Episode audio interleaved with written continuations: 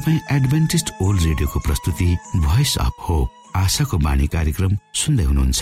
कार्यक्रम प्रस्तुता म रवि यो समय तपाईँको साथमा छु। मानव जातिमा देखाइएको परमेश्वरको प्रेम र अनुग्रह तपाईँसँग बाँड्ने उद्देश्यले तपाईँकै आफ्नै प्रिय कार्यक्रम आशाको बाणीमा यहाँलाई हामी न्यानो स्वागत गर्दछौ। आशाको बाणीको आजको प्रस्तुतिबाट पनि तपाईँले परमेश्वरसँग नजिक रहेको अनुभूति गर्नुहुनेछ भनेर हामी आशा राख्दछौ।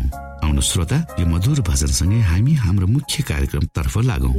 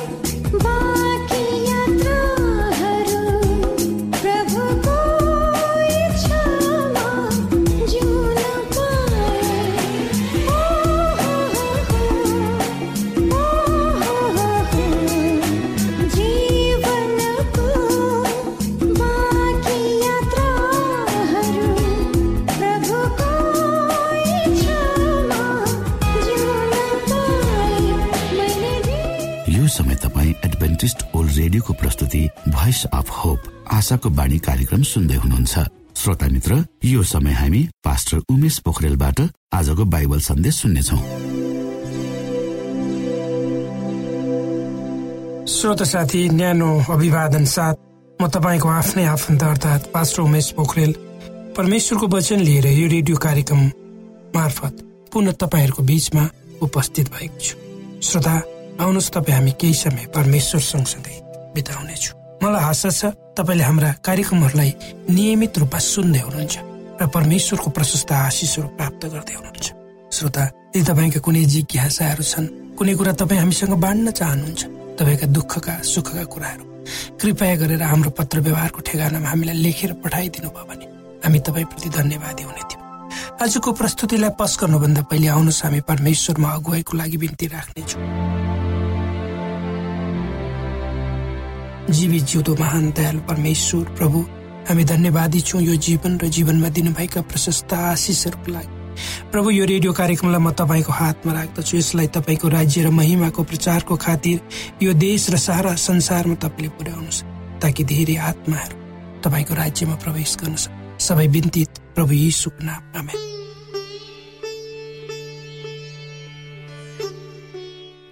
श्रोता साथी झनक घिमिरेले आफ्नै परिवेशमा लेख्नुहुन्छ। मान्छेको स्वरूपको एउटा खराब प्रवृत्तिले भन्यो त्यो त घमण्डी पाखण्डी हुन त मान्छेलाई आफू जस्तै भए पनि राम्रै लाग्छ। तर झारपातको त अस्तित्व हुन्छ भने म त मान्छे पो त। मैले जिन्दगीको अर्थ खोज्दा कसैलाई घमण्ड पाखण्ड गरेकै ठहरिन्छ भने ठहरियोस्। त्यो अनुहारले जति दोहोऱ्याए पनि उसले आफैलाई हेर्नमा उभिएर हेऱ्यो भने आफ्नो अनुहार कस्तो छ भने छर्लङ्ग देखिन्छ। यहाँ कोही मान्छे भन्छन् जिन्दगी केही पनि होइन। दुई दिन भाँचुन्जेल रमझम दुई दिनपछि सारा फुस्स हुन्छ जान्छ। संसार त्यति नै हो। ठिकै हो जिन्दगी बाँचुन्जेल रमझम मरेपछि केही छैन संसार। तर यस्तै सोचाइ मात्र राख्ने हो भने त संसार ब्ल्याक एन्ड व्हाइट हुन्थ्यो। रङ्गीन हुन सक्दैन थियो। मान्छेको खराब प्रवृत्ति पनि सही रङ्गीन संसारकै उपज हो स्रोत साथी मानिस बुझ्न नसकिने प्राणी हो। मानिसको स्वभाव र प्रवृत्ति अनौठो लाग्छ। जसलाई हामी बुझ्न सक्दैनौँ हामीले आफूलाई आफैभित्र खोज्ने र चिन्ने प्रयास गर्यौँ भने पनि जिन्दगीका कयौँ वर्षहरू बिताएर वृद्ध अवस्थामा पनि हामी भेट्टाउन सक्दैनौँ। वा बुझ्दैनौँ जान्दैनौँ। हाम्रो मन र सोचाइको बारेमा कहिले काहीँ हामी आफै छक्क पर्छौँ। उन्नाइसौँ शताब्दीका एक दार्शनिक अर्थर एक दिन गहिरो सोचमा परेका हुन्छन्। उनको सोचाइमा मानव जाति हुनु भनेको के होला नै थियो। र त्यही कुरा सोचेर हिँड्दा हिँड्दै उनी अचानक एकजना अपरिचित मानिससँग बाटोमा ठोकिन पुग्छ। अर्को मानिसले रिसले चिच्याएर अर्थलाई सोध्छ तैँले आफूलाई के ठाने? के हो? को होस् भनी ठानेको छस्। अर्थरले अर्थरले भने म को? मलाई नै थाहा छैन। र थाहा पाए कति राम्रो हुने थियो। हो श्रोत साथी आजको समुद्रको बालुवाको कण स्वरूप जताततै पृथ्वीमा छरिएर रहेका हामी मानिसहरू को हौ त के गरिराखेका छौँ? यो प्रश्न आज तपाईँ हामी सबैको चासोको विषय हो। र जबसम्म मानिसले आफू को हुँ र आफूसँग धरती आफू यस धरतीमा किन छु भनी बुझ्दैन तबसम्म जीवन उसको लागि केवल एक छा खानु एकाङ्क लगाउनु सन्तान उत्पादन गर्नु अन्तमा मर्नु बाहेक केही नहुन सक्छ। जुन कुरो संसारका सबै जीवहरूले प्राकृतिक रूपमा गर्ने गर्दछ। अर्थात् मानिसको सृष्टि परमेश्वरले विशेष किसिमले र विशेष उद्देश्यका साथ गर्नुभयो। र जुन उद्देश्यका साथ मानिसको सृष्टि गरियो उक्त उद्देश्य जबसम्म मानिसले बुझ्न सक्दैन तबसम्म पुरा पुरा हुँदै संसारका कुनै पनि कुरालाई हामीले ध्यानपूर्वक हेऱ्यौँ भने तिनीहरूको उपस्थितिको पछाडि कसैको स्पष्ट योजना देखिन्छ। अर्थात् तपाईँ हामीले देख्ने संसारका कुनै पनि प्राकृतिक चिज वस्तु हामी आफै पनि एक व्यवस्थित एवं सुनियोजित ढङ्गबाट निर्माण भएका भन्दा अर्को अर्थ नलाग्नु यद्यपि मानिसको उत्पत्तिको सम्बन्धमा विभिन्न धर्महरू दर्शनहरूको आफ्नै दृष्टिकोण पाइन्छ परमेश्वरले मानिसलाई विशेष लक्ष्य लिएर सृष्टि गर्नुभएको हुनाले तपाईँ हामी अचानक वा त्यसै कुनै सूक्ष्म जीवबाट विकास भएका होइन। परमेश्वरले सृष्टि गर्नुभएका अन्य जीवहरूभन्दा हामी फरक छौँ। हाम्रो स्वभाव फरक छ। हाम्रो सोचाइ र विचार फरक छ। हामी जन्मनुको पछाडि कुनै उद्देश्य छैन भन्ने तर्कहरू पनि सुनिन्छन्। तर यदि त्यो सही हो भने मानिस जाति र पशुमा के भिन्नता रह्यो त? पवित्र धर्मशास्त्र बाइबलको उत्पत्ति एक अध्यायको छब्बिस पदमा मानव जातिलाई परमेश्वरले उहाँको स्वरूपमा सृष्टि गर्नुभयो भने स्पष्ट गरेर लेखिएको छ। परमेश्वरले मानिसलाई आफ्नै स्वरूपमा मात्र सृष्टि गर्नु भएन तर उसलाई उसले के गर्नुपर्छ भनेर भन्नु पनि भयो त्यसको अर्थ हामीले आफ्नो जीवनलाई व्यर्थमा बिताउने होइन तर त्यसलाई उद्देश्यमूलक ढङ्गले परमेश्वरको बाटोमा हिँडाउनु पर्छ किनकि परमेश्वरले मानिसलाई उहाँले गर्नु भएको सारा सृष्टिको हेरचाह गर्ने जिम्मेवारी दिनुभएको छ। र ती परमेश्वरका सृष्टिहरूको संरक्षण र सम्वर्धन गर्ने जिम्मेवारी पाएका हामी मानिस जातिलाई उहाँले विभिन्न वरदानहरू दिनुभएको छ। वरदानहरूलाई हामीले परमेश्वरको महिमाको निम्ति प्रयोग गर्नुपर्छ। त्यही नै उहाँको इच्छा मानव जातिबाट मानव जातिको निम्ति। श्रोता हामीमा अर्थात् मानिस जातिमा भएका शारीरिक बौद्धिक सामाजिक र आत्मिक वरदानहरूलाई मानव हितको निम्ति प्रयोग गर्नुपर्छ। यदि यसो गरियो भने त्यसले परमेश्वरको महिमा गर्छ। परमेश्वरको सृष्टिलाई गम गरेर हेर्ने हो भने सृष्टिका सबै कुराहरू एक अर्काको परिपूरक भएर काम गरिएको हामी देख्दछौँ। र हामी मानिसहरूले यो संसारमा रहँदा परमेश्वरको प्रतिनिधिको रूपमा जिउनुपर्छ काम तर आज मानिस जाति परमेश्वरको इच्छा र उसको सृष्टि गरिनु पछाडिको महान योजनालाई जान्दा जान्दै आफ्नो क्षणिक स्वार्थ र लालचाको निम्ति दिन रात अस्वस्थ प्रतिस्पर्धात्मक दौडमा दौडिरहेको छ भौतारिरहेको छ। किनकि मानिसले आफूलाई चिन्न सकेको देखिन् आजको संसारमा परमेश्वरको सृष्टिलाई टेकेर वा आधार बनाएर मानिसले विज्ञान र प्रविधिको माध्यमद्वारा धेरै प्रगति गरेको छ। आफ्नै सुख सुविधाको निम्ति मानिस धेरै अगाडि बढिसकेको पाइन्छ।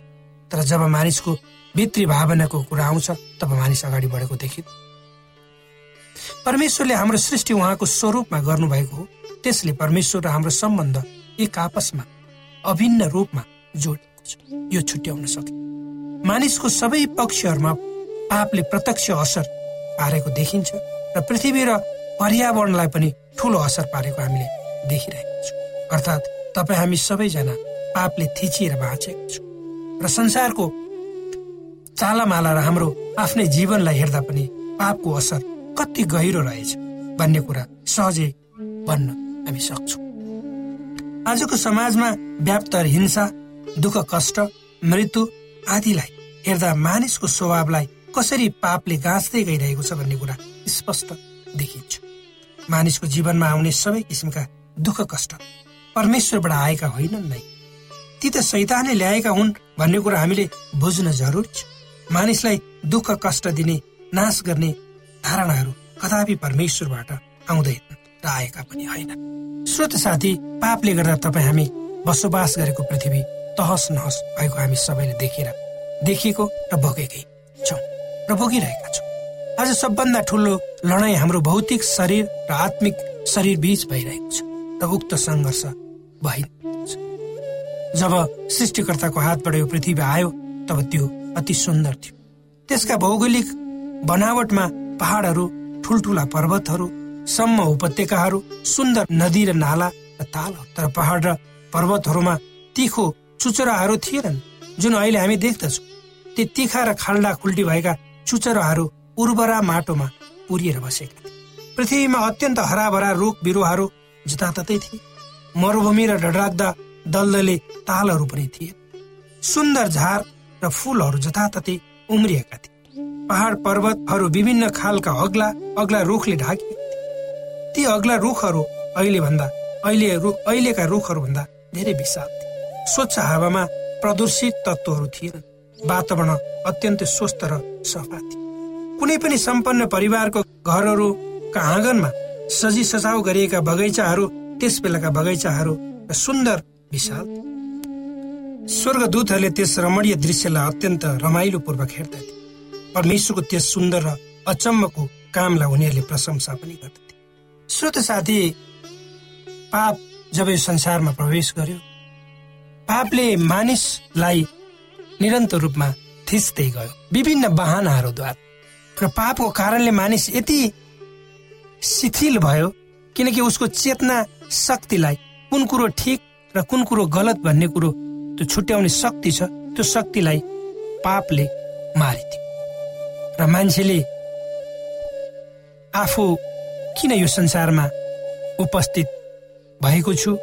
र मान्छेले आफूले गर्नुपर्ने कर्तव्य के हो? त्यो कुरा भुल्यो। र मान्छे पशु सर हो मैले आजै एउटा खबर कागजमा कान्तिपुरमा पढेको थिएँ कि एउटा बाबुले आफ्नै बाबुले आफ्नै बाह्र वर्षकी छोरीलाई बलात्कार गरे। यदि त्यो बाबुमा अलिकति पनि मानवीय चेतना थियो भने आफूले जन्माएकी आफूले हुर्काएकी आफूले काखमा बोके माया गरेकी तोते बोली बोलेर तोसँग त्यसलाई हिँड्न सिकाए छोरीलाई निश्चय पनि उसले आफ्नो पाशविक त्यो दानवताको नाङ्गो व्यवहार गर्दैन थियो मलाई दुःख लाग्छ सुन्दा त्यसका आजको संसारमा बस्ने तपाईँलाई सैतानले बारम्बार आक्रमण गरिरहेको छ। कोही पनि सुरक्षित छैन।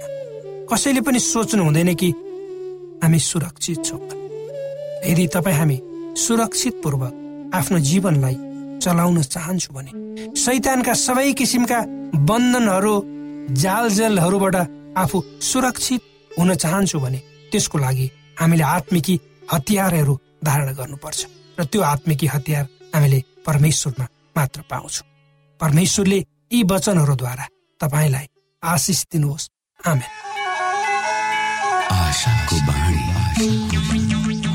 श्रोता भर्खरै यहाँले पास्टर उमेश पोखरेलबाट बाइबल वचन सुन्नुभयो। यो समय तपाईँ एडभेन्टिस्ट ओल्ड रेडियोको प्रस्तुति भोइस अफ होप आशाको बाणी कार्यक्रम सुन्दै हुनुहुन्छ।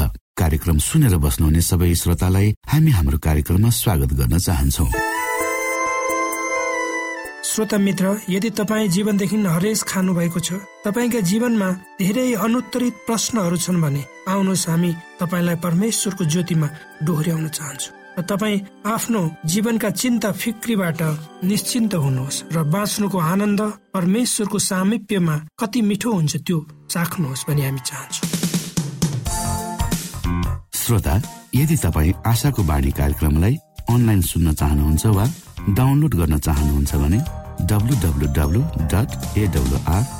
ओआरजीमा जानुहोस्। त्यहाँ तपाईँले प्रत्येक दिनको कार्यक्रम सुन्न र डाउनलोड गर्न सक्नुहुनेछ। हाम्रो वेब पेज यस प्रकार छ W dot AWR dot ORG श्रोता यदि तपाईँ हामीसित सिधै फोनमा सम्पर्क गर्न चाहनुहुन्छ भने हाम्रा नम्बरहरू यस प्रकार छन्। अन्ठानब्बे एकसाठी पचपन्न शून्य एक सय बिस अन्ठानब्बे एकसाठी पचपन्न शून्य एक सय बिस र अर्को अन्ठानब्बे अठार त्रिपन्न पन्चानब्बे पचपन्न. अन्ठानब्बे अठार त्रिपन्न पन्चानब्बे पचपन्न.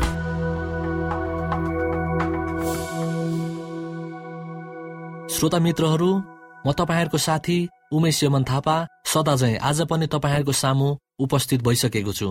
आज हामी शाकाहारी किन बन्ने भन्ने विषयमा केही जानकारी हासिल गर्नेछौ।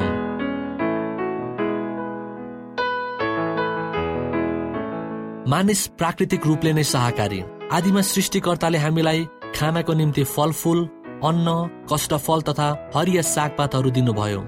मानव शरीरको संरचनालाई अवलोकन गरेको खण्डमा जो कहिले पनि यो कुरा बुझ्न सक्नेछ कि शारीरिक रूपले हामी वनस्पति जन्य खाद्य वस्तु खाने प्राणी हौ।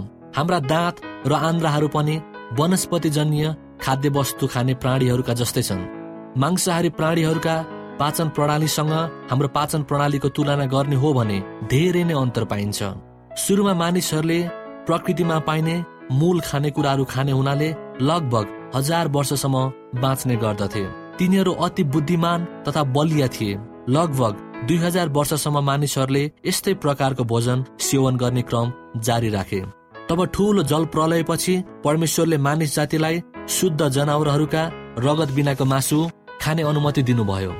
किनकि त्यस जल प्रलयले सारा जीवित वनस्पतिलाई नाश पारेको थियो। मासु खान सुरु गर्न साथ मानिसको आयु पनि ठूलो मात्रामा घट्न पुग्यो। एघार पुस्ता भित्रमै मानिसको आयु नौ सय पचास वर्षबाट झरेर केवल एक सय पचास वर्षमा पुग्यो। मानिसको आयु घट्नुको प्रमुख कारण यही हो कि मासुले बढ्दो क्रियाकलाप र छरितो वृद्धिको निम्ति शरीरलाई उत्साहित गराउँछ। जसको परिणाम स्वरूप शरीर तीव्र गतिमा बुढो हुन्छ र अल्पायुमै थकी तथा जीर्ण बन्न पुग्छ। आर्थिक कारणहरू।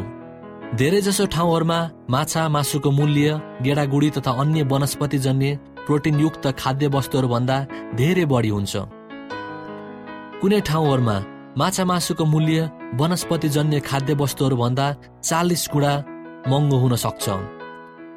मासु खरिद गर्नको निम्ति तत्कालिक रूपमा महँगो हुनुको साथसाथै जुन मानिसहरू मासु खाने गर्दछन् तिनीहरू मासुमा हुने ब्याक्टेरिया तथा रोगको कारण बिरामी बनी बन्न पुगी थप आर्थिक बोझहरू आइपर्दछन् जस्तै डाक्टरी खर्च यात्रा खर्च औषधि खर्च इत्यादि।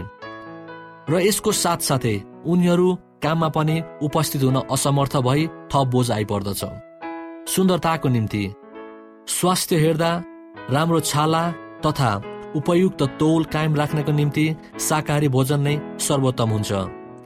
धेरै जसो देशहरूमा शाकाहारी बन्नुको कारण सुन्दरता नै उच्च सूचीमा पर्न आउँदछ।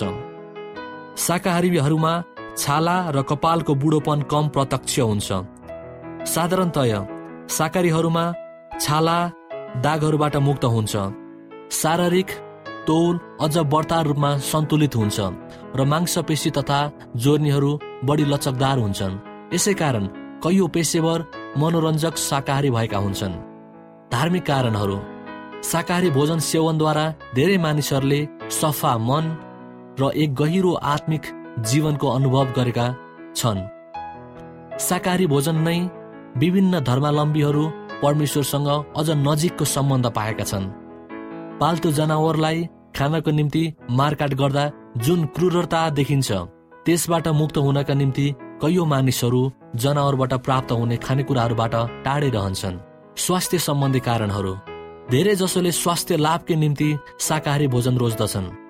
स्वास्थ्य लाभको कारण खेलाडीहरू सेभेन द एडभान्टिस्टहरू विश्वविद्यालयका विद्यार्थीहरू तथा विविध पेसा अप्नाउने मानिसहरू शाकाहारी भोजन रोज्दछन्।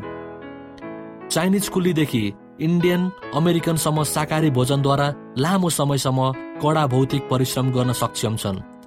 यही कारणले गर्दा लामो दूरीसम्म दौडाउनु पर्ने धावकहरूले कैयौँ पटक यही शाकाहारी भोजन रोज्दछन् ताकि तिनीहरूले प्रतिस्पर्धामा सफलता हासिल गर्न सक्नेछन्। बढी कार्बोहाइड्रेट पाइने खाद्य वस्तुहरू प्रोटिनयुक्त खाद्य वस्तुहरूले भन्दा धेरै गुणा असल प्रकारको शक्ति प्रदान गर्दछ। उच्च मात्रामा प्रोटिन हुने खाद्य वस्तुबाट शरीरले शरीरले शक्ति प्राप्त गर्ने प्रक्रियामा धेरै प्रकारका विकार पदार्थहरू उत्पादन गर्दछ। डाक्टर तथा प्रयोगशालामा विविध विज्ञहरूले अनुसार यदि सन्तुलित मात्रामा शाकाहारी भोजन सेवन गरिएको खण्डमा यसले शरीरमा बोसो प्रोटिन खनिज तत्व तथा रगतमा विकार पदार्थहरू सही मात्रामा कायम गर्ने सबैभन्दा असल माध्यमको भूमिका निभाउँदछ। श्रोता मित्रहरू मुटुको रोग हृदयघात उच्च रक्तचाप टाउकोमा हुने घात तथा मानसिक रोग जस्ता विभिन्न रोगहरू जनावरबाट प्राप्त हुने खाद्य वस्तुहरूसित घनिष्ठ रूपमा सम्बन्धित छन्। रातो मासु बोसो अन्डा चिज मक्खन र घिउमा सबैमा उच्च मात्रामा कोलेस्ट्रोल हुन्छ। जसले रक्तनलीको भित्री तहमा टाँसिएर बसी रक्त सञ्चारमा अवरोध ल्याइदिन्छ। उच्च मात्रामा कोलेस्ट्रोल हुने खाद्य वस्तुहरू लामो समयसम्म सेवन गरियो भने यसले रक्तनलीहरूलाई पूर्ण रूपले अवरुद्ध तुलाई विभिन्न रोगहरूलाई निम्त्याउन सक्छ। संयुक्त राज्य अमेरिका भारत बङ्गलादेश तथा अन्य धेरै देशहरूमा यिनै रोगको मृत्युको प्रमुख कारण बन्न पुगेका छन्। श्रोता मित्रहरू यो त भयो शाकाहारी किन बन्ने भन्ने विषयमा छोटो जानकारी। यसै विषयमा केन्द्रित रहेर भोलि पनि केही जानकारीहरू हासिल गर्नेछौ। यति भन्दै अहिलेलाई म तपाईँहरूको माझबाट बिदा माग्दछु। जय मसिंह धन्यवाद। कोभिड नाइन्टिनका सम्पूर्ण खोप वा भ्याक्सिनको सफल परीक्षण गरिएको छ। यी भ्याक्सिन लिनाले हामी गम्भीर बिरामी हुनबाट जोगिन सक्छौ त्यसैले तपाईँ पनि यो खोप लिनुहोस्। यदि तपाईँलाई पहिले नै कोभिड पोजिटिभ देखिसकिएको छ भने तपाईँ यो खोप चाँडै नै लिनुहोस्। यसो गर्नाले हामी र हाम्रो समुदायमा रोग प्रतिरोधक शक्ति चाँडै नै आउनेछ र हामी सबैजना पहिले जस्तै सामान्य जीवनमा फर्कन सक्दछौ। युनेस्को डब्लुएचओ र रेडियो कार्यक्रम आशाको बाणीबाट जनहितमा जारी सन्देश।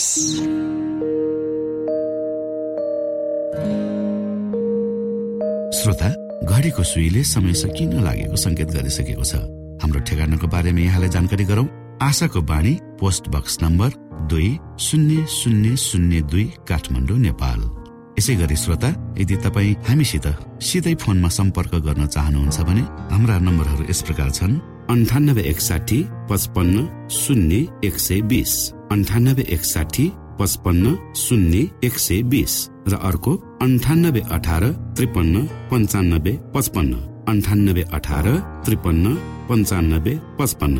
हवस् त श्रोता हाम्रो कार्यक्रम सुनिदिनु भएकोमा एकचोटि फेरि यहाँलाई धन्यवाद दिँदै भोलि फेरि यही स्टेशन र यही समयमा भेट्ने बाजा गर्दै प्राविधिक साथी राजेश पास्टर उमेश पोखरेल र कार्यक्रम प्रस्तुता म रवि यहाँसँग विदा माग्दछौ। परमेश्वरले तपाईँलाई धेरै धेरै आशिष दिनु भएको होस्। नमस्कार।